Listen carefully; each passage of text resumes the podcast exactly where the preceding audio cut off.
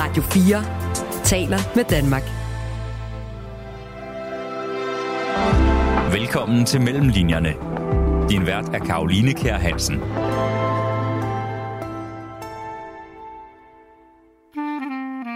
Det er historie, øh, for, fordi det har betydet så meget, ikke bare for, for sukkersyge, hvad det, hvor det selvfølgelig har betydet noget, men det har også betydet noget for hele Danmark. Det betyder noget den dag i dag. Den 12. december 1922 bragte ægteparet August og Marie Krog insulinen til Danmark. Det blev starten på Novo Nordisk. Novo Nordisk er en virksomhed, der i dag er 2.000 milliarder værd. Det er mere værd end Coca-Cola. To år tidligere havde August Krog modtaget Nobelprisen, og Marie Krog var en af de første kvinder i Danmark til at tage en doktorgrad i medicin. Altså, jeg kan love dig, i videnskaben internationalt er det et kæmpe navn, ikke? På 100-årsdagen for en af deres store bedrifter, nemlig fremskaffelsen af insulin, udgiver forfatter Hanne Sindbæk dobbeltbiografien August og Marie om de glemte videnskabsstjerner. Det, der er så totalt usædvanligt ved det her, det er at være så forelsket i og, og være så besat af, det er deres forhold. Det er, at de lykkes med at have sådan et forhold, hvor de er hinandens bedste sparringspartnere på alle planer, og de er hinandens øh, livskammerater, og de er hinandens elskere. Velkommen til Mellem Linjerne. Mit navn er Karoline Kjær Hansen. Hanne Sindbæk, vi sidder lige nu, hvor historien om Marie og August i sin tid begyndte. Vil du ikke fortælle lytterne, hvor vi sidder henne? Jo, vi sidder i det, der i dag er Medicinsk Museum, som er sådan et øh, museum for medicinhistorie. Men dengang, altså for, for 100, og hvad bliver det, 12 år siden, eller så deromkring, der var det øh, en del af, af det medicinske, eller det var det medicinske fakultet, der boede hernede i, den, i hovedbygningen, der ud mod Bredgade. Der var, øh, der og stadig er det store gamle auditorium, der havde været der siden, jeg tror det er 1782, det er i hvert fald deromkring at, at, at man startede med at uddanne læger her. Og nede i bunden af øh, den bygning ude mod Bredgade, der boede Christian Bohr, som var professor i fysiologi, og han regerede over i den bygning, du ser lige bag dig, over gården. Øh, baggården, der, blev der, var der blevet opført en stor bygning, øh, hvor man underviste medicinstuderende i fysiologi. Altså som er kroppens virkemåde. I modsætning til anatomi, der hvordan kroppen er bygget, så er fysiologi kroppens virkemåde. Det skulle lægerne lære noget om derovre. Og der underviste Christian Bohr, øh, og han var meget, meget vel anskrevet professor i hele Europa. Øh, og han boede så dernede sammen med sine to små sønner, Nils og Åge Bohr. Og det var så her, August og Marie, de mødte hinanden? August blev simpelthen, altså Christian Bohr blev August mentor, øh, og, og de var meget, øh, kan man sige, glade for hinanden på et professionelt plan, fordi August var en højt, højt begavet, helt fantastisk kreativ øh, videnskabsmand, før han egentlig var videnskabsmand, for han, han læste faktisk zoologi, Øh, men han havde fået det råd, at han skulle lære noget om fysiologi også, og ingen steder kunne man lære det bedre end hos Christian Bohr. Derfor tog han en masse kurser herinde, og han blev simpelthen så hans øh, øh, lærermester. Christian Bohr blev Augusts lærermester, og han blev assistent for Christian Bohr, så snart han var færdig som kandidat. Han lavede sin doktorgrad herinde, også meget ung. Og så underviste han de medicinstuderende i forskellige øvelser i fysiologi. Og det var her en dag i 1904, i foråret 1904, at ind ad døren kom øh, det hold, han skulle undervise, og August var ret sur, for han, øh, vidste, han vidste, at der var for mange på det hold. Han synes, det var for mange, han skulle undervise på en gang. Og så var der en dame. Og det var han ikke glad for. Det var ikke, fordi han var sådan set fuldstændig med på øh, ligestilling. Det var han. Det var noget, han forsøgte at indpude sine søstre. Øh, men han havde bare den erfaring i sit korte liv, at han som gjorde, at han mente, at damer ikke egnede sig til fysiologi. Så derfor var han ret irriteret over det. Øh, men Øh, som han siger, skrev til, de vandt mig med deres første ord. Så hun har henvendt sig til ham og spurgt ham om noget, og så har han bare fuldstændig, altså et væsen, han ikke troede fandtes, for han troede aldrig, at han skulle giftes eller forelske sig eller noget. Så hun var et væsen, som han ikke troede fandtes. Og han bliver virkelig virkelig forelsket i Marie. Øh, det er meget, meget tydeligt, når man læser din øh, nye bog, August og Marie, som udkommer i morgen den 12. december. Og det er jo en, en biografi om det her videnskabspar, men i min optik er det lige så høj en grad en kærlighedshistorie. Når vi sidder her på Medicinsk Museum, så er det fordi, at øhm, dels det er jo her hele historien den udspringer fra, eller tager sin begyndelse. Men det er også her, du har researchet rigtig meget, og det har du blandt andet, fordi øh, på bordet ved siden af står der en kuffert, som er en meget væsentlig genstand. Den er en væsentlig genstand i en del af historien. Altså grunden til, at bogen udkommer den 12. 12. 2022 er, at den 12. 12. 1922, der gik August og Marie i land fra Amerikafærgen, øh, og i den kuffert, som Marie bar, der er taget et pressefotografi af det, det kom i avisen, fordi at August var blevet en berømt forsker på det tidspunkt. Så der tog man billeder af, når, når kendte mennesker gik i land fra færgen. Og der stod Marie så på det billede, hun står på det billede med den kuffert i hånden. En lille øh, mørk kurvekuffert med, med læderkanter øh, og ekstra forstærkning i hjørnerne. Og det var Augusts rejsekuffert. De fleste steder, øh, han rejste i hele sit liv, for han var ganske ung til han døde, havde han kun den kuffert med. Det er godt nok vildt, fordi den er ikke særlig stor. Den er ikke særlig stor. Det er sådan lidt tyk attaché taske, ja. kan man sige. Der kan ikke? sådan lige øh, være, altså den er, den er, den er på størrelse med en, en computer, men så, altså en bærbar computer, men så er den bare bredere. En ja, lille smule bredere. Ja, ja, okay, ja. det er jo nogle store bær. Så er det i hvert fald en 16 tommer eller et eller andet. Men anyway, øh, da jeg var herinde, øh, fordi jeg vidste, de havde nogle ting øh, fra Augusts øh, liv og forskning og sådan noget, og så... Øh, øh, var jeg herinde og kigge i sådan et lille depotlokale, de har heroppe, hvor der står nogle ting på nogle hylder, og mest sådan noget med nogle rør, der buer sig et eller andet, som man nok skal være forsker for at forstå, hvad rigtigt er, ikke? Men så inde bagved, så spottede jeg bare, der stod den der lille visne kurkuffert, ikke? og jeg kunne bare kende den fra det billede, hvor de går i land fra Amerikafærgen. Og det blev jeg også sådan helt høj over, fordi jeg vidste bare, at i den kuffert, der lå opskriften på insulin. For den havde de med hjem fra den tur i 1922. Og det, det at de har den med hjem, det er bare, øh, det er historie. Øh, for, fordi det har betydet så meget, ikke bare for, for sukkersyge, hvad det, hvor det selvfølgelig har betydet noget, men det har også betydet noget for hele Danmark. Det betyder noget den dag i dag. Det blev starten på Novo Nordisk. Novo Nordisk er en virksomhed, der i dag er 2.000 milliarder værd. Det er mere værd end Coca-Cola. Altså, hvis du forestiller dig, hvad de har genereret af indtægter til at lave det danske velfærdssamfund, hvor, jamen, man kan næsten ikke forestille sig, hvor betydningsfuldt det har været. Plus al den forskning og alle de nye ting, der er kommet ud af det. Så, så man kan sige, at den dato, den 12. i 12. 1922, ikke? det var øh, altså skældsættende for, for, i Danmarks historie. Og det er jo det, som de i høj grad er kendt for, altså at bringe insulinen til Danmark. Det gjorde de fra øh, Canada.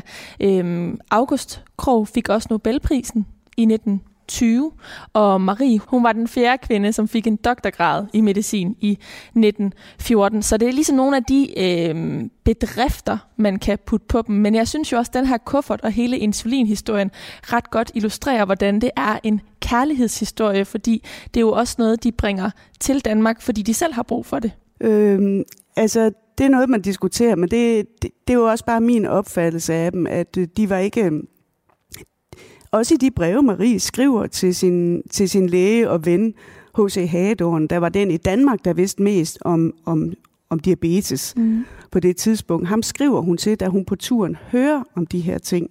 Jeg begynder at høre om rygtet om, at der foregår noget derovre. Ikke et sted, Altså nævner hun sig selv eller sygdommen eller noget. Hun nævner det kun som noget, Hagedorn som forsker og som øh, øh, diabeteslæge må være, kunne være interesseret i.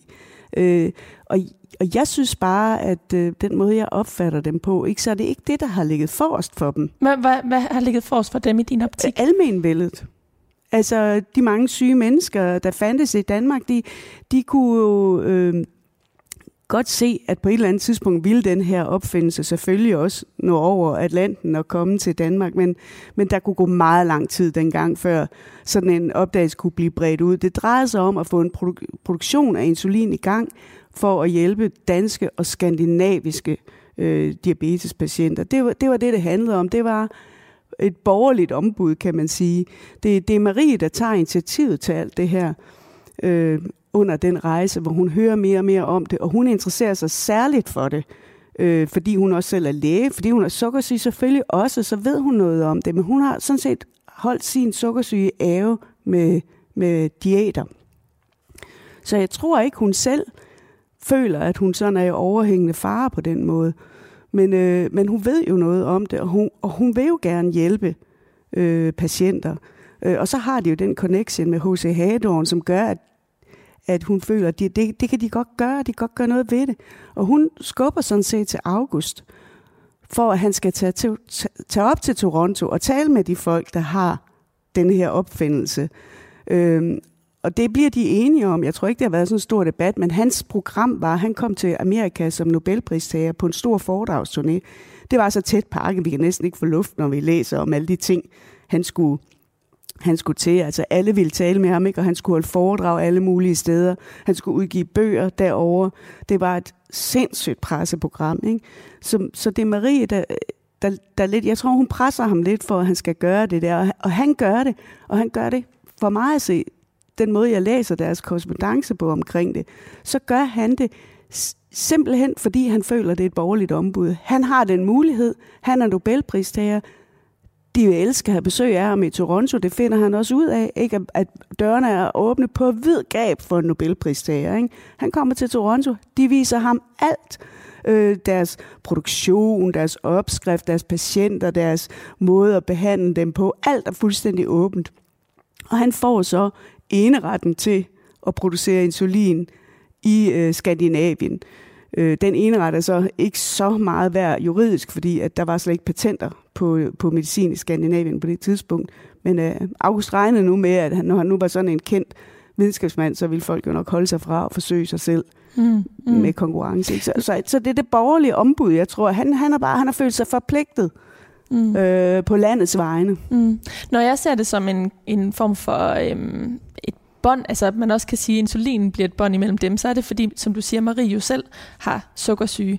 Øhm, men det, der så bliver tydeligt, når man læser August og Marie, det er, at øh, netop, at det er med blik for almenvældet, som du siger, at insulin bliver endeligt bragt til Danmark, og at det også bliver en virksomhed, som vi jo kender som Novo Nordisk i dag. Altså det i virkeligheden var en virksomhed, som begyndte med øh, henblik på at kunne give rigtig mange mennesker et bedre liv, og jo også på mange måder et, øh, et, noget, der havde et andet ry, end det lige nødvendigvis har i dag. Det er jo også noget, som nogen øh, tager afstand til, altså mm. at man kan skabe så stor en øh, virksomhed, som du nævnte, det var tidligere, på grund af, at folk er syge. Der, den debat er der, og det skal man også altid holde øje med, ikke? fordi at når der er guld for enden af en regnbue, så, så kommer der også nogle myllerne frem, der ikke har de ædle motiver. Men jeg vil nu sige, min, i min erfaring, ikke? så er det jo altså de store medicinalvirksomheder, der er næsten ikke nogen, der er mere overvåget, end de er af Gud og hver mand og myndigheder, hvad ved jeg. Så, så, så jeg har ikke helt den samme opfattelse. Øh, og det er også et eller andet med, det, det er også morsomt for mig at lære August at kende, for August er meget sådan, puha, puha, puha med penge. Ikke? Altså sådan noget med penge, det er noget værd snavs. Ikke? Det kan han slet ikke rigtig. Uh, nej, det hele skal være så ædelt og så fint. Ikke? Men øh, som den store erhvervsmongul, øh, mogul, øh, Jack Wells sagde, you have to do well to do good. Så hvis der ikke der er penge, så kan man ikke øh, lave noget nyttigt arbejde, vel? Og, og det er jo også meget morsomt, at de, de laver jo så Novo Nordisk Fonden. Det er August initiativ. Han har lovet over i Toronto, at der er ikke nogen individer, der skal tjene penge på det her. Det skal gå til almenvældet, hvis der er et overskud. Ikke? Og den fond får så på det tidspunkt den opgave, at den skal så støtte forskning. Og sjovt nok er den forskning, den skal støtte, det er forskning, der interesserer August og H.C. Hadorn. Ikke? det var smart. og de første mange år, øh, jeg tror det er til langt ind i 30'erne, jeg kan ikke lige huske, hvor mange år, men første mange år, der får August og Maries forskning halvdelen af de penge, der bliver udlået fra fonden. Så, så jeg, er sådan, jeg har det dobbelt med det der med, uh, det er så ædelt. Det er altid ædelt at dele penge ud, ikke? men, øh, men øh, hvorfor er det ikke ædelt at tjene dem? Det har jeg nogle gange lidt svært ved at se. Øh, og der kan du så se, altså, jeg vil ikke sige, det er dobbeltmoralsk, for det er det ikke, fordi forsker for de penge og laver enormt meget nyttigt arbejde. Meget, meget vigtigt, men pengene skal jo til. Ellers kunne han jo ikke have gjort det. Du lytter til Mellemlinjerne på Radio 4.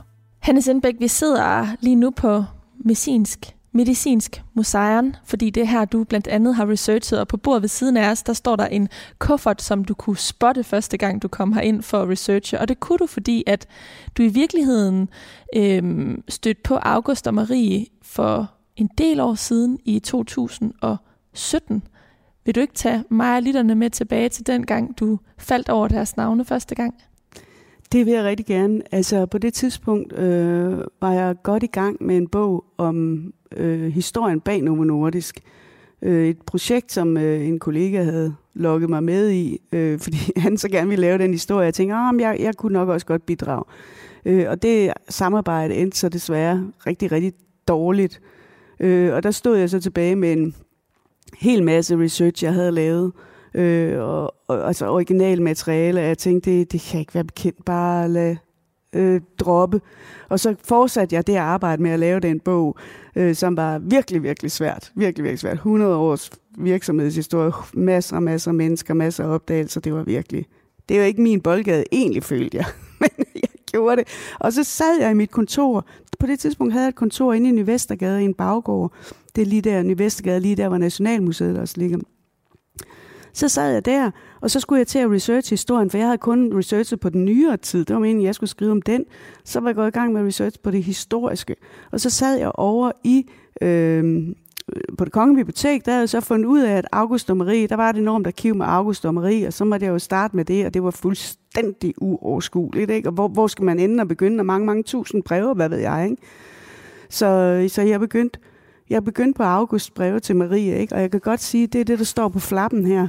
Øh, der står et citat fra August brev til Marie. Han skriver, de har deres arbejde og mål, som jeg har mit. Jeg tror, det er godt sådan. Der bliver ingen usmidighed. Vi kan tage hinanden i hånden og hjælpe hinanden på mange måder, tror jeg. Alle vanskeligheder kan overvindes, hvis der er det ene fornødne. Og derfor spørger jeg dem blot om det ene fornødne. Elsker de mig, som jeg elsker dem? Altså, jeg får stadigvæk gåse uden, når jeg læser det. Altså, det her, det skriver han til hende. Jeg tror, de har mødtes fem gange. Han blev jo virkelig pladask forelsket. Altså, det kærlighed ved første blik. Alle flosklerne kan man bruge i den ja. sammenhæng, ud fra den historie, der i hvert fald bliver udrullet i din øh, biografi her. Fuldstændig, og han kan, og han kan formulere sig. Noget så bedårende. Altså, han kan virkelig formulere sig godt. Han skrev fantastisk. Øh, selvom man skrev en lille bit, bit, bit lille skrift, så man skal nærmest have lupen frem for at læse den. Ikke? Men det skrev han jo så i 1904 til hende. De har deres arbejde, som jeg har mit, og det skal vi fortsætte med, og sådan skal det være, og vi kan hjælpe hinanden. Og, og der tænkte jeg, hvad er det for en mand? Hvad er det for et forhold? Hvad er det for et menneske? Og hvorfor har jeg aldrig hørt om ham? jeg var nærmest rasende på det tidspunkt, var jeg også meget latent rasende, på grund af, at jeg havde overtaget det her gigantiske projekt, jeg ikke havde lyst til. Så, men så, så opdager jeg dem og tænker, det er, hvorfor har jeg ikke hørt om dem? Jeg er et voksen, veluddannet menneske, der... Jeg har aldrig hørt om dem. Hvorfor tror du ikke, at du havde hørt om dem? Det er fordi, at de har ikke insisteret på at blive fortalt. Det har de ikke. Og dem, der beundrer dem, og dem, der har været, vidst, hvem de var, det er folk, der ligesom har været i videnskaben. Altså, jeg kan love dig, i videnskaben internationalt er det kæmpe navn, ikke?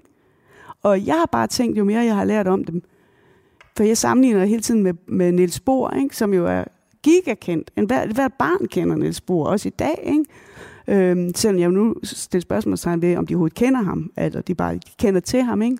Hvorfor gør man ikke det med August og Marie Krog? Det, det jeg, jeg virkelig ikke forstå. Andet end, de har aldrig haft som mål at være kendte. De har aldrig nyt den der kendthed. Bohr var jo født kendt. Han var født af Christian Bohr, i en af landets rigeste familier. De havde svømmet i guld, øh, og han født lige midt ind i den danske øh, øh, videnskabelige øh, parnas. Han blev hjulpet fra starten af. Alle havde kæmpe forventninger til ham inde i det centrale København. Om August kommer fra Grenå, fra en brygger. Marie, Marie kommer fra Fyn. kommer fra landet på Fyn, hvor hendes far er festebonde. Altså, det er to mennesker, der ikke tror, de er noget.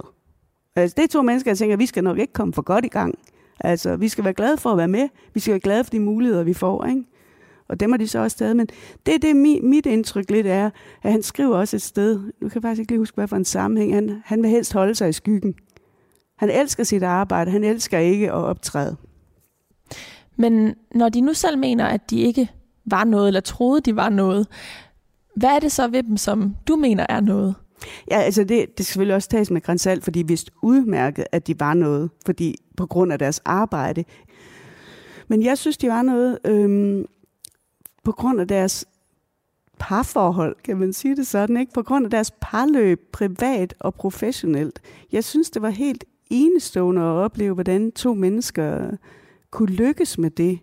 Øh, og kunne lykkes med at, at have så tæt et arbejdsfællesskab, og så tæt et personligt forhold, som de to havde. De to elskede hinanden livet igennem. Øh, og de var helt hinandens forudsætninger for de opdagelser, de gjorde arbejdsmæssigt. Øh, og det synes jeg simpelthen for mig var øh, jamen, jamen et, et, et, et ideal for, forhold, kan man sige. Ikke? Altså findes det overhovedet? Findes det i dag overhovedet? Øh, det, det, jeg synes, det, det var alligevel noget. Ikke? Mm. I hvor høj grad tror du, at øh, videnskaben og deres faglige interesse bandt dem sammen øh, som ægte folk? Øhm, jamen, det var afgørende. Du kan ikke sige det ene uden det andet i deres, sammen, i deres i sammenhæng med dem. Det, det kan man ikke, fordi øh, havde, havde Marie ikke faldet for det der øh, forskningsmiljø. Det er jo noget, August præsenterer hende for, ikke? og som jeg tror er en åbenbaring for hende. Hun har slet ikke forestillet sig, at hun skulle den vej og forske. Det, det, det tror jeg slet ikke, det lå helt uden for hendes mulighedsramme. Ikke? Så det er, en, det, er en, det, er en, det er et univers, han præsenterer hende for, ikke? som er en åbenbaring. Og hvis ikke at de havde kunne tale sammen om de ting, øh, jamen så havde de heller ikke haft et forhold. Så havde der heller ikke, så havde kærligheden ikke opstået på den måde, fordi det var så vigtigt for dem begge to. Jeg, jeg er overbevist om, det er ikke noget, jeg har sort på hvidt, men jeg er overbevist om, øh, at hverken August eller Marie havde troet på, at de ville blive gift og få børn. Det var selvfølgelig, eller ikke selvfølgelig, men det var klart noget, de ønskede på en måde, men de ønskede deres karriere mere. Selvom August har alle dage været elsket små børn, han har elsket børn, og de har elsket ham. Men han troede bare ikke, at han kunne finde nogen, han sådan kunne følges med. Det, det ved jeg, for det har han så, sådan set skrevet, at han ville blive ved med at være unkæl. Ikke? Øhm, og Marie, det er min tolkning, at hun, hun har ikke kunne forvente både at, at få en lægekarriere og en familie, for hun har jo kunne se, hvordan det gik de fleste af hendes øh, øh, studiekammerater, hvis de blev gift og fik børn, så var det slut med, med den form. Og, og Marie har jo siden hun var barn ville være læge. Hun har satset alt på at blive læge, så hun havde ikke til sinds opgive, fordi der var en sød mand. Når man læser August og Marie, så finder man ud af, at hendes drift efter at blive læge, det er fordi, at der er så meget død i hendes barndomshjem. Altså, hun mister så mange, som hun har nært. Det, altså, jeg var virkelig overrasket over at læse, hvor alle steds nærværende døden var i hendes barndomshjem, på grund af tuberkulosen dengang. Ja. Så det er jo øh, også interessant, hvordan det nogle gange kan være tilfældigheder, der præger, hvad for et liv man får, og i hvilken retning man bliver drevet. Ja. Altså dels det, du kommer fra, de ulykker eller lykker, som du bliver udsat for, men jo også det faktum, at de møder hinanden, og at de dermed får løftet hinanden op på et højere stadie, ja. end nogen af dem havde, ja, havde forventet. Jamen, det er nemlig lige præcis det, der sker. Det er det, jeg synes, der gør deres altså fortælling om August og Marie så interessant. Og, og det med Marie og hendes øh, opvækst der, det, det, det var simpelthen så mærkeligt at finde ud af det. Altså, der stod i deres datter, deres yngste datter, har lavet en bog om dem, der, der så nok også hedder August og Marie. Øh, øh, et liv i videnskaben, eller sådan noget, hedder den. Rigtig, rigtig fin bog, rigtig, rigtig god bog, hvis man, især hvis man er interesseret i det videnskabelige. Det, du forklarer meget om deres videnskab. Men noget, der er sjovt, som jeg har lagt mærke til med Bodil, er, hun kalder bogen August og Marie. Men det går op for hende, at hun næsten ikke har noget på Marie, fordi Marie slet ikke fortalte om sig selv. Hvor August fortæller om sig selv i breve i op og ned og stolper, og så Marie fortæller ikke om sig selv. Men en af de ting, som øh, Bodil vidste, som hun så også skrev i sin bog, det var, at det var en kendt sag i familien, at Marie, som hun skriver seksårig, jeg gætter selv på otteårig, øh, altså brændte sine dukker, og, og proklamerede, at hun ville være læge. Og det tænkte jeg, det var alligevel mærkeligt. Altså, det er alligevel noget mærkeligt noget at gøre, ikke? Og voldsomt for sådan en lille pige. Og hvordan kunne jeg finde ud af mere om det? Altså, det, det var også der, at jeg ligesom tænkte, skal jeg gætte mig til, hvordan hun... Altså, hva, hva, hvordan kan jeg... Jeg må vide noget mere om det, fordi det, det er da noget underligt noget, og det er jo ikke til at få noget at vide, for hun har ikke skrevet noget om det nogen steder, Marie. Men så fandt jeg, det ved jeg ikke, om du selv er faldet over, men så fandt jeg, og det var også sådan en ting, øh, i, på det kongelige bibliotek, altså den måde ting er organiseret på, så var der sådan en mappe, kunne jeg se, der hed Portræt af Marie Krog. Og så tænkte jeg, der er nok sådan et eller andet officielt portræt. Men jeg bestilte det, og da det så kom frem, så var det en hel bunke af billeder af Marie. Blandt andet de her tre, som jeg har taget med i min bog. Barndomsbilleder, hvor hun er, hun er blevet fotograferet hos en lokal fotograf i Assens med cirka et års mellemrum. Og da jeg så de billeder, så løb det mig koldt ned ad ryggen, for aldrig har jeg da set en lille pige så inderligt ulykkelig. Altså så inderligt ulykkelig er hun på de billeder i alle tre år. Øh, og der, der vidste jeg bare, det er, ikke, det er ikke nogen glad lille pige, det der, der, der bliver fotograferet. Hun har været så traumatiseret, vil jeg tro, øh, man vil kalde det i dag, ikke? over de der søskende, der døde, der døde, der døde. Der var også en, der var også en anden, der, Birte Marie, før inden der døde. Hun havde tre brødre, der alle sammen blev døbt kristen, som alle sammen døde. Øh. Og, og de søskende, hun så har, som overlever, i det de nærmest bliver gift og finder kærligheden, så dør deres ægtefæller også. Altså det er jo helt vildt, hvordan døden hjemsøger dem nærmest hver eneste dag. Og, altså. hvad, og hvad man så jo godt kan sige i dag, hvad man ikke kunne sige dengang, det er, at de formentlig alle sammen har fået det af Maries far, som er tuberkulose, og som på en eller anden måde lykkedes at overleve i mange år, og give det videre til fem børn og to svigersønner, der er alle døde, ikke? Mm. Øh, så nej, men så, så den her lille pige, det, det var der, jeg ligesom kunne se, det er det, der sker. Hun, hun ender med at konkludere for sig selv, at så hjælpe, hun har også set øh, søskende Dyk, så hjælpeløs vil hun ikke være. Hun er jo fuldstændig hjælpeløs. Hun kan jo ingenting gøre. Hun er en lille pige. Hun kan ingenting. Og hvordan kan man undgå at opleve det modbydelige igen, at man skal være hjælpeløs? Det, det er det, jeg ser i de her billeder. Den proces frem til, at hun beslutter, det er slut med at lege. Det er slut med det med dukker. Nu skal hun læse, hun skal blive klog, og det er også, det er også på det tidspunkt, at landet får sin første kvindelige læge. Jeg tror, det var i 79, at Nielsine Nielsen 1879, Nielsen Nielsen blev uddannet læge. Ikke? Så det har været deromkring, øh, og det har så stået i den lokale avis, at der er kommet et damemenneske, der er uddannet læge. Ikke? Så, så, så det er sådan en vag, meget, meget fjern mulighed, men det er dog en mulighed, ikke? og når man er lille, har man en stor fantasi, så hun har tænkt. Men Hanne Sindbæk, hvorfor var det egentlig ikke bare Maries biografi, du valgte at skrive? Altså, hvorfor skulle hun øh, sidestilles eller stå i skyggen af sin mand August Krog? Synes du, hun står meget i skyggen?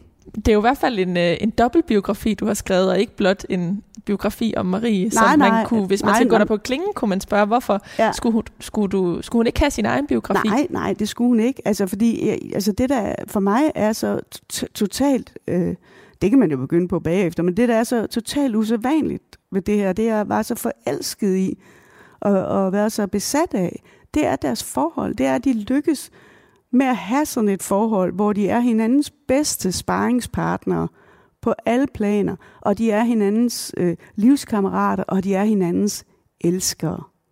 Altså, det, jeg synes, det er så totalt smukt. Du lytter til Mellemlinjerne på Radio 4. Hanne Sindbæk, øh, du har jo skrevet flere biografier før, Mm-hmm. Det er oplagt at skrive, som sagt, enten en biografi om August Krog, eller en biografi om Marie Krog. De biografier, som du har skrevet om, øh, skrevet har været om erhvervsmanden øh, Lars Seier blandt andet. Du har også skrevet om Herman Salling og øh, politikerbiografier. Øhm, men nu valgte du jo at skrive en dobbelt biografi. Hvor stort et arbejde var det? Øh, min første bog var en dobbeltbiografi om, om Kim Foner, Lars Seier og Saxo Bank. Så, så det har jeg prøvet dengang. Men det har jeg slet ikke tænkt på på den måde. Altså jeg har slet ikke tænkt på det på den måde, at det ligesom, kunne man vælge det ene, kunne man vælge det andet. Øh. Fordi jeg, jeg var besat af August og Marie. Altså, og hvem de var, og hvordan de var lykkes med deres liv så flot. Altså, det, det er ikke bare det, jeg nu har sagt om deres forhold. Og de, de lever jo også et liv, hvor, hvor i min optik, ikke, at verden raser om ørerne på dem. Altså, de har jo familiemedlemmer, der den ene er mere vanvittig end den næste, ikke? Og alt hænger på de stærkeste skuldre, og det er August og Maries, ikke? Det er hele tiden August og Marie, der ligesom må rave kastanjer ud af ilden og må sørge for at hjælpe den ene og den anden. Og det gør de, uden at kny. Jeg har læst, jeg ved ikke, om jeg har læst tusind breve, men måske deromkring, ikke? Er dem, ikke? ikke et eneste sted brokker de sig over noget med, at nu, py, nu gider man da heller ikke mere, og puha, altså, det gør de bare, hvis der, hvad der skal til, skal til. Det må de jo gøre, fordi de kan. De føler den der forpligtelse. Altså, August har som ganske ung en diskussion med sin mor, øh, som var meget troende. Hendes forældre var meget troende. Det var Maries forældre også. Øh, det var August og Marie ikke.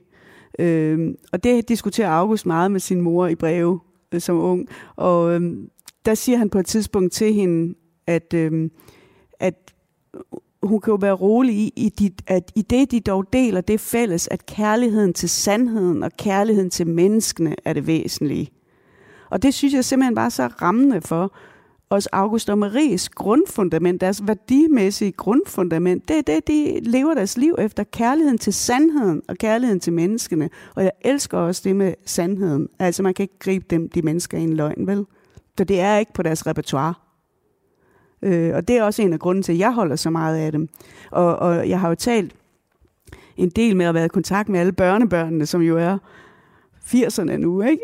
altså, og der, jeg mærker lidt den samme hos de fleste af dem, den samme sådan usentimentalitet øh, i tilgangen til tilværelsen. Jamen, jeg måtte jo skrive, hvad, hvad, jeg, hvad jeg ville. Altså, det, det, altså, dels var det rart, at de havde den tillid, men de var også sådan, jeg kommer ikke til at få på pukken af dem, som man vil gøre med de fleste, skal jeg godt lige fortælle dig. Når man skriver biografier, så er der mange følelser i spil, også for afdøde familiemedlemmer, at sådan var han slet ikke, og det ikke, og sådan var deres billede ikke. Og man kan jo heller aldrig vide, hvad det endelige sande var, men, men der var det meget usædvanligt for mig at møde den der indstilling hos de meget forskellige øh, kroge børnebørn, øh, med at jamen, de var, som de var, og også at fortælle om alle de dårlige ting ved dem, hvis man kan sige det, eller bagsiderne ved dem, August kantethed, og hvad jeg ikke fik også af mulige øh, altså, rygter om ting. Altså, der er jo noget, jeg ikke har fået opklaret, er, fik August faktisk et barn uden for ægteskab, inden han blev gift med Marie? Sådan nogle ting. Jeg håber sådan, der dukker et eller andet op ud af tårerne, når min bog nu kommer ud. Men alle sådan nogle ting, og, og hvad hedder det, manodepressiviteten i familien, homoseksualitet, og der er ikke nogen, der har haft noget med, at det skulle se pænt ud, altså af børnebørnene. Det der, de ikke haft noget med. Mm. Men at læse tusind breve, som du siger, hvis ikke mere, og øh, opsøge de her børnebørn og besøge dem, det lyder også som et vanvittigt stort researcharbejde. Jamen, det er slet ikke tænkt på på den måde. Altså, det, det er jo jeg har jo fulgt øh, de spor, der var, og, og, og var ved at dø af ærgelse over de spor, jeg ikke kunne få, få mere ud af. Det var næsten det værste.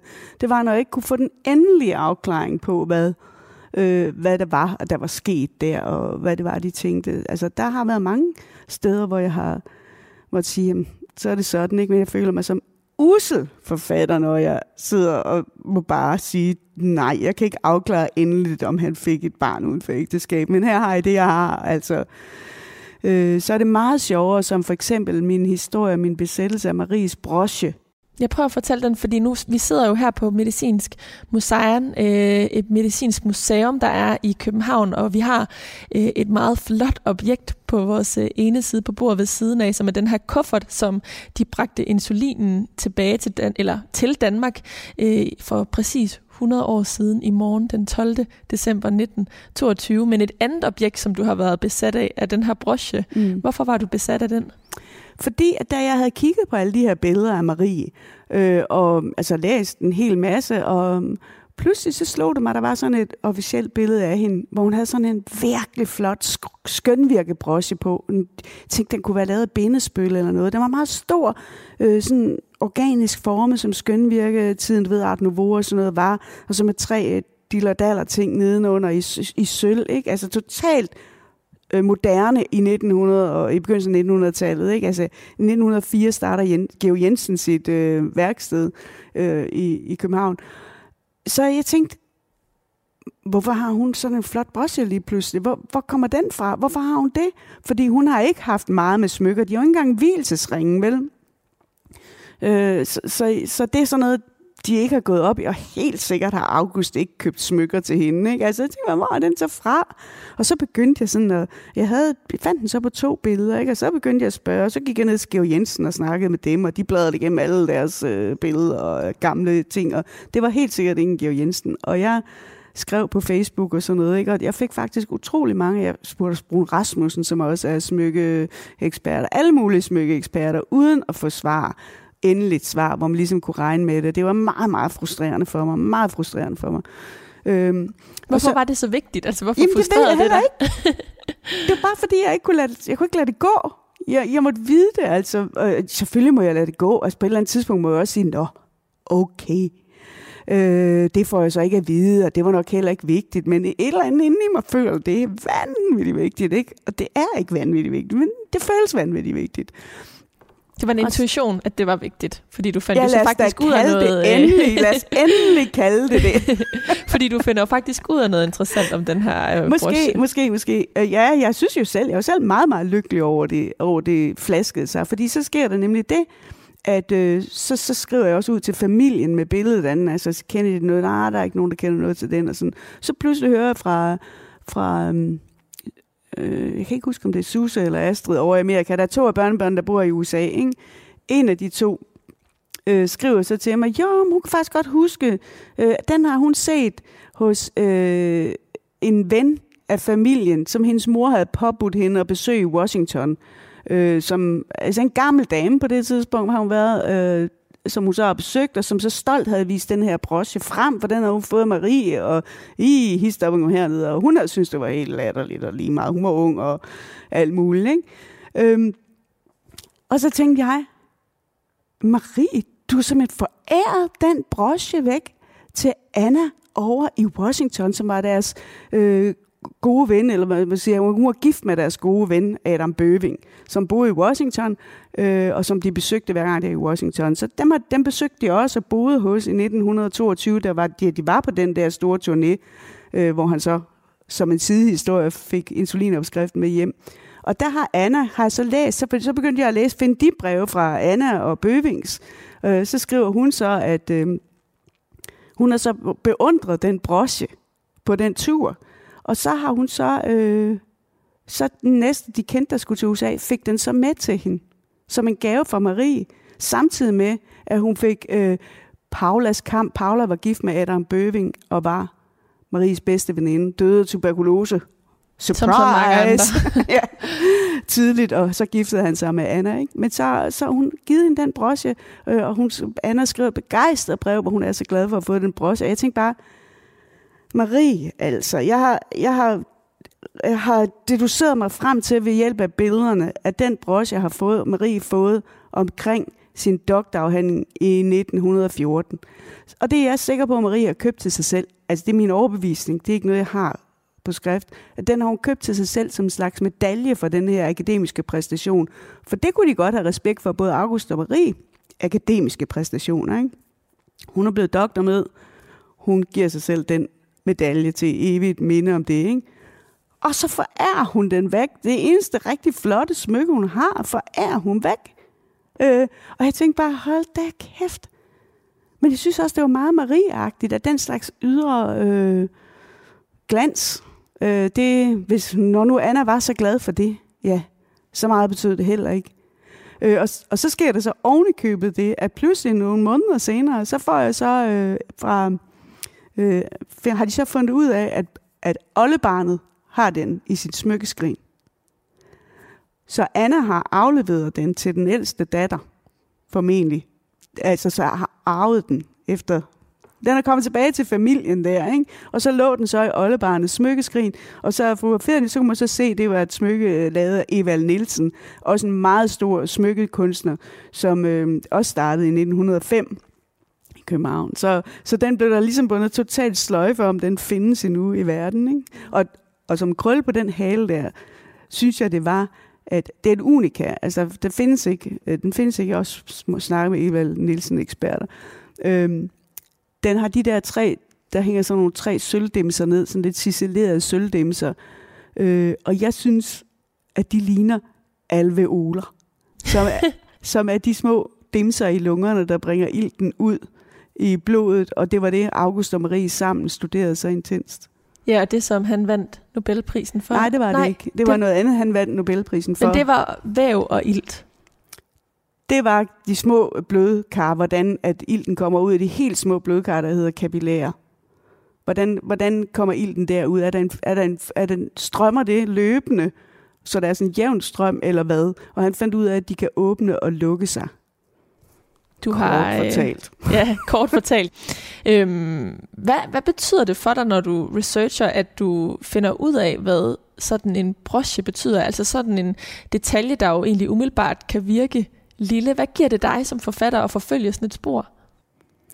Altså, det er en enorm tilfredsstillelse, når det lykkes, og en enorm utilfredsstillelse, når det ikke lykkes. Men, men jeg synes, det giver mig det, at altså, det startede jo ikke bare med, at det er en pæn broche. Det startede med at undre mig over, hvorfor havde Marie den? For jeg synes, det var ukarakteristisk, at hun havde den, fordi hun var så...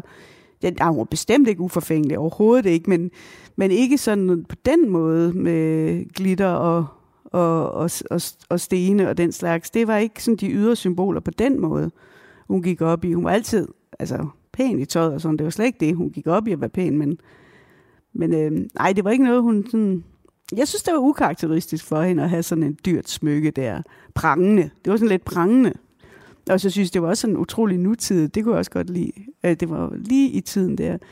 Så jeg synes, det måtte sige noget om, men det gør det jo. Det siger noget om kvinder med deres smykker. Ikke? Noget, jeg også synes var utroligt sjovt øh, at opdage, det var på billedet, et billede, der er taget på deres turné i USA i 1922, øh, på, ja, oppe i Boston, hvor de sidder med nogle andre for, forskere, blandt andet Jocelyn, som var den store øh, sukkersøgekspert i, i USA på det tidspunkt så er det sådan et billede af August og Marie og de her folk, og de sidder der, øh, og er så pæne, og Marie i sit pæne hvide tøj, hvis det nu er hvidt, det kunne også være, det var lysblåt, det ved jeg ikke. Øhm, og så zoomer jeg ind, det kan jeg først gøre, efter jeg har fået det øh, digitaliseret, ikke? så zoomer jeg ind, så zoomer jeg ind, så zoomer jeg ind, så ser jeg på Maries pegefinger, der sidder en doktorring. Og der tænker jeg lige, hvad helvede, en doktorring alligevel, ikke? Altså hun er jo doktor med, Maus er også doktor, han har aldrig haft en doktorring, det er jeg sikker på. Jeg har i hvert fald aldrig, jeg har aldrig set nogle billeder af med den. Og det er også den eneste billede, hvor Marie har den på. Og der tænker jeg, jeg ved godt hvorfor. Hun er kommet derover. Hun er ikke professorens hustru. Hun er doktor med Marie Krog i sin egen ret. Så det er sådan et signal. Alle ved jo, at denne her guldring, der sidder på pegefingeren, at det er en doktorring. Og så kan alle de der mennesker, de møder i videnskabens øh, tjeneste, ikke? de kan jo alle sammen anerkende, nå, nå, okay, hun er ikke fru, Krog bare, vel? Hun er jo sørme øh, doktor med selv, ikke? Det, det synes jeg også var meget sigende om hende, ikke? At øh, der, i den anledning tog hun det symbol på, ikke? For lige at få sat det på plads, ikke?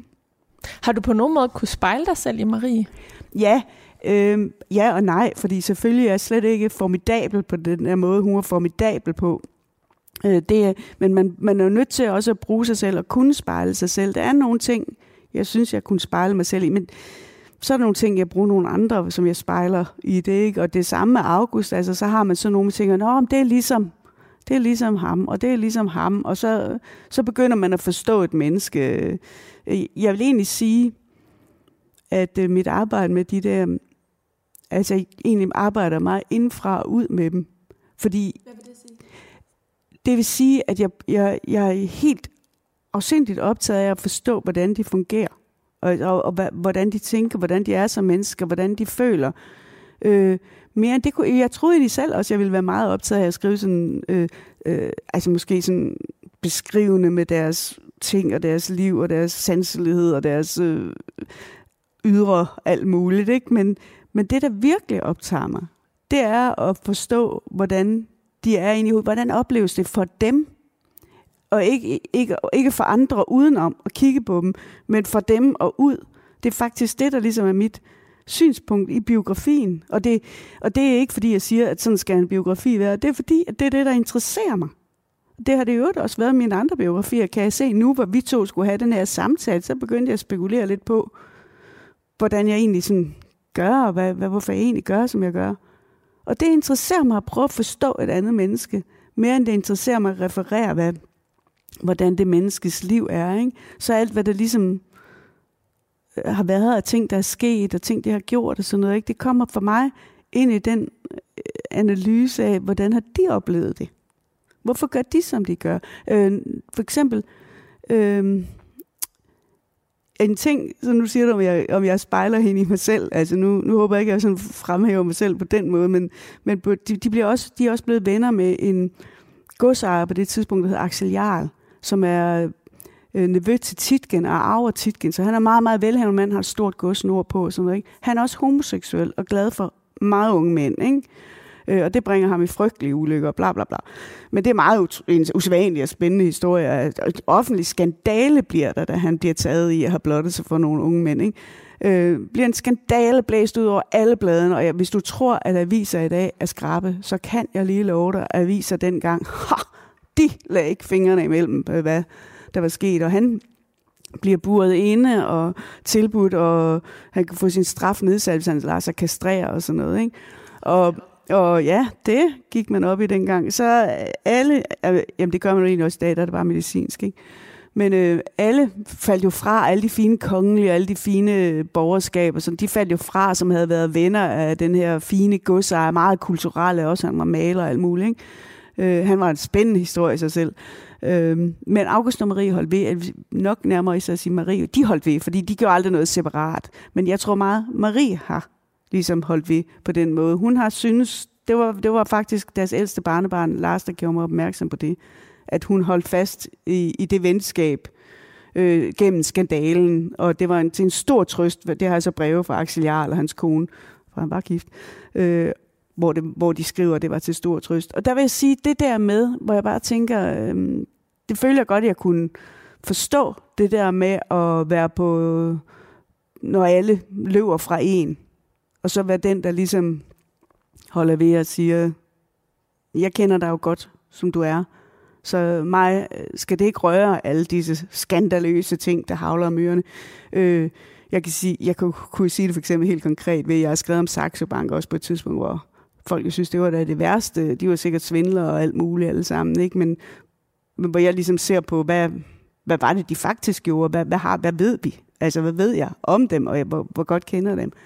Så det vil være, sige, at jeg ligesom har prøvet mm. at stå i de der situationer og gå op imod sådan en eller anden strøm, hvor det letteste er ligesom at bare løbe, løbe lidt væk, ikke? og gemme sig lidt i et hjørne, og så til når det går over, så kan det være, at man kan komme igen.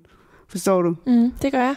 Og når du siger det her med at skrive øh, indefra og ud, så er det jo også interessant, når du falder over den her broche, at det ligesom er noget ydre, som du prøver at øh, finde ud af, hvad betyder i forhold til det indre. Mm. Altså, hvad mm. fortæller det om Marie, øh, Maries væsen? Øhm, jeg synes i høj grad, at øh, jeg også får den her fornemmelse af dem som øh, væsner, øh, ud fra den måde, du... Øh, helt konkret har skrevet bogen på, og jeg kunne egentlig godt tænke mig, hvis du vil læse lidt højt. Jeg har fundet en passage. Var det det her? Ja. Det er så i begyndelsen af bogen, hvor de er blevet kærester. Øhm, de er blevet kærester, øh, og øh, August er, kan vi sige, kan jeg læse af forskellige... Han vil gerne gå hele vejen, kan man sige det sådan, ikke? Og Marie er noget mere tilbageholdende med det. Ikke? Og der er også det, nej, nu kan jeg læse det, så kan vi tale om det, hvis der er noget Lad os gøre det sådan. Det er, i hvert fald et, det er i hvert fald noget, der foregår onsdag den 5. oktober 1904, Øster Søgade i København, øh, hvor Marie boede på et lille værelse, August boede i en lille lejlighed rundt om hjørnet. Jo, Marie ville gå hen til August i aften. Og selvom hun mærkede den der lille tøven indeni, det var som om, det blev stadig sværere for ham til at stoppe hændernes vandring. Han forstod jo dog så meget, som hun ikke også han forstod hendes tilbageholdenhed. Marie vidste det virkelig ikke, og hun følte endda, at hun kendte ham så godt. Nu var der blot 100 meter mellem dem. Det tog bogstaveligt talt bare to minutter at gå hen til ham, og det ville kun tage to minutter at gå hjem, hvis hun følte sig presset. Marie så tilfreds på sin lille stue. Det var blevet et ganske fint bord, snedgeren i Husby havde fået ud af egetræskisten hjemmefra. Det var også blevet lidt dyrere, end hun havde regnet med, hele 60 kroner. Men hun kunne jo også bruge bordet resten af sine dage, hvis det skulle være. Hun havde fået et par stole, lidt andre småmøbler og noget porcelæn af moren. Nu skulle gården jo sælges, så moren havde ikke plads til så meget. Hun havde også sendt Marie et par laner, pudebetræk og en lille overdyne. Nu lignede det næsten et rigtigt lille hjem. Her kunne hun i hvert fald studere i fred og trække vejret frit. Det nagede hende, hvordan hendes søster Grete pludselig havde protesteret over hendes flytning. Hende, der ellers hellere så Maries hæl end tog, og var så nervøs for, hvilke sygdomme hun kunne slæbe hjem fra hospitalet og smitte lille Frida med. Hun havde skrevet til deres mor side op og side ned om, hvilke vanskeligheder Maries flytning førte med sig. Der var udgifter til varme og forplejning, og Grete mente også, at det hele måtte gå ud over Maries helbred. Tonen var ikke blevet mildere, da Marie havde meddelt dem, at hun var blevet forlovet med August. Så mente de alle, det var højst upassende, at hun boede alene. Selv hendes bror Jørgen, der dog var hendes mest fortrolige og allierede, havde ment, det var pænere, hvis hun blev boende hos familien. Han havde opfordret hende til at foreslå Grete og Lassen, at de lejede en større lejlighed, hvor Marie kunne få et ordentligt værelse og tilbyde at betale differencen. Men Marie havde holdt på sit og var flyttet i lejligheden, som hun delte med Herdis, der også studerede medicin, og Marie-Louise, der var ekspeditrice. Indtil videre var det helt vidunderligt. Forlovelsen var ellers blevet taget godt imod i Eskør. Hendes mor havde straks skrevet tilbage og ønsket til lykke. Og Gud give eder lykke, at I kan udrette noget godt for hinanden, og det består i at være stærke i kærligheden. Alle mine andre svigerbørn har været gode og retskaffende folk, som hun havde skrevet på sin sædvanlige lidt ubehjælpsomme façon. Hun bad om at få et fotografi af August, selvom hun var sikker på, at hun vidste, hvordan han så ud. Høj, mørkhåret, bleg og over 30, da han jo havde taget doktorgrad. Marie smilede, da hun læste det, og svarede moren, uden at gå alt for meget i rette med hendes forestilling.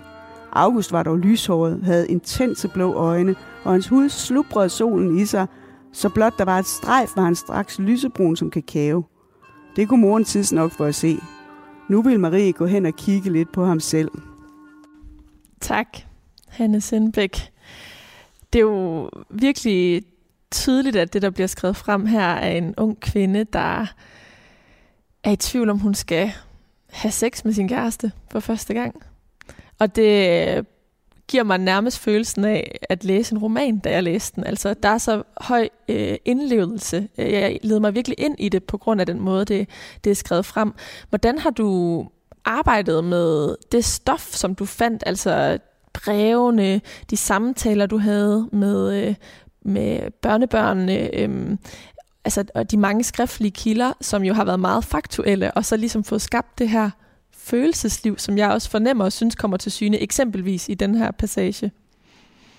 Altså, det er jo, var jo betydeligt lettere at gøre i den første fase af deres liv, hvor de skriver så meget om følelser. Selv Marie skriver om følelser. Ikke? Altså, så, så jeg vil faktisk sige, det, det der, jeg har, nu har lige har læst op, øh, der er ikke meget, jeg har fundet på i det. Altså, det, det er faktisk meget øh, kildenært. Jeg har bare ikke citeret det fra breve. Jeg har skrevet det som en indre monolog, hedder det vel, ikke? Mm. Øh, men... Og det er jo et greb fra skønlitteraturen, så det er jo heller ikke helt mærkeligt, at, øh, at man kan få den fornemmelse, når man læser. Nej, nej, men det, det er også det der med, at det, både det, at det er et greb, men jeg tænker ikke på det som et greb, fordi det er sådan, jeg tænker det. Altså, det er det der med at skrive dem indenfra og, og ud på en måde. Ikke? Det er sådan, jeg selv tænker det, og så øh, giver jeg så det til læseren, for det er det, jeg bedst kan gøre, fordi sådan oplever jeg det selv. Det er det, jeg gerne... Så når jeg skriver sådan der, så begynder jeg at forstå hende. Jeg forstår hende jo. Jeg, jeg ser hende jo. Jeg forstår, hvad det er, hun tænker, hvad det er, hun føler der. Ikke? Fordi nu har jeg samlet alle de her, kan man sige, fakta og informationer, og legnet dem op i mit baghoved, og, og kigget på billeder, og været nede og kigge på Østersøgade, hvor hun boede, og på Hvidevældsgade, hvor August boede, og, og kigget på billeder af dem fra den tid, og sådan, og så når alt det er samlet inde i mit baghoved, så tænker jeg, nej, det, det er sådan her, hun har været, ikke? Og, og hendes mor var skide irriterende, og hendes søster var endnu mere irriterende, og, og August der pressede hende, og hvordan har det været samtidig være forelsket og sådan noget. Du lytter til Mellemlinjerne på Radio 4. Hanne Sindbæk her til slut. Du sagde i begyndelsen, at vi ikke kender til de her danske store videnskabsmænd og kvinder, mm. øh, fordi de, formentlig fordi, at de ikke selv havde lyst til, eller havde den der trang til at blive set. Hvad tror du, de ville tænke, hvis de læste din biografi, August og Maria, og vidste, at i dag her 100 år efter, øh, at de bragte insulinen til Danmark, der udkom den her biografi.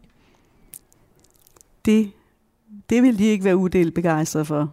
Det tror jeg bestemt ikke, at de vil være. Altså, de har jo ikke engang en gravsten, vel? Øh, der er jo ikke engang et maleri på Nationalmuseet, hvor ellers alle store danskere har deres portræt hængende. Der er der intet maleri af hverken August eller Marie.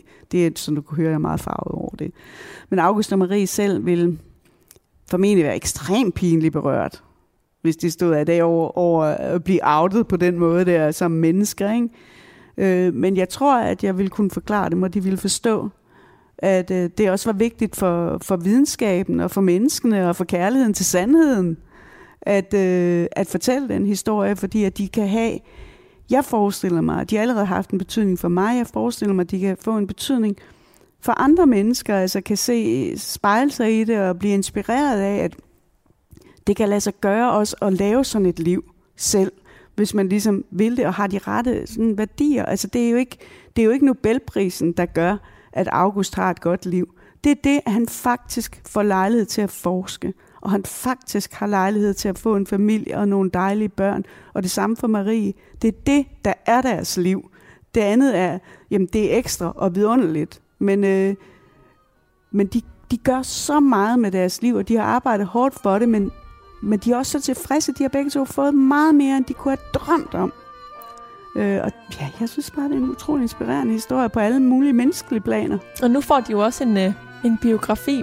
Hanne Sindbæk, tusind tak, fordi du ville tale med mig og fortælle om arbejdet mellem linjerne i din nye bog, August og Marie, her i Mellem Linjerne på Radio 4 i dag. Tak, fordi jeg måtte.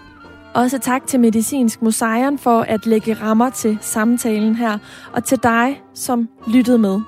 August og Marie udkommer på Politikens forlag, og hvis du kan lide, hvad du hørte, ja, så kan du finde mange flere forfattersamtaler i Radio 4's app.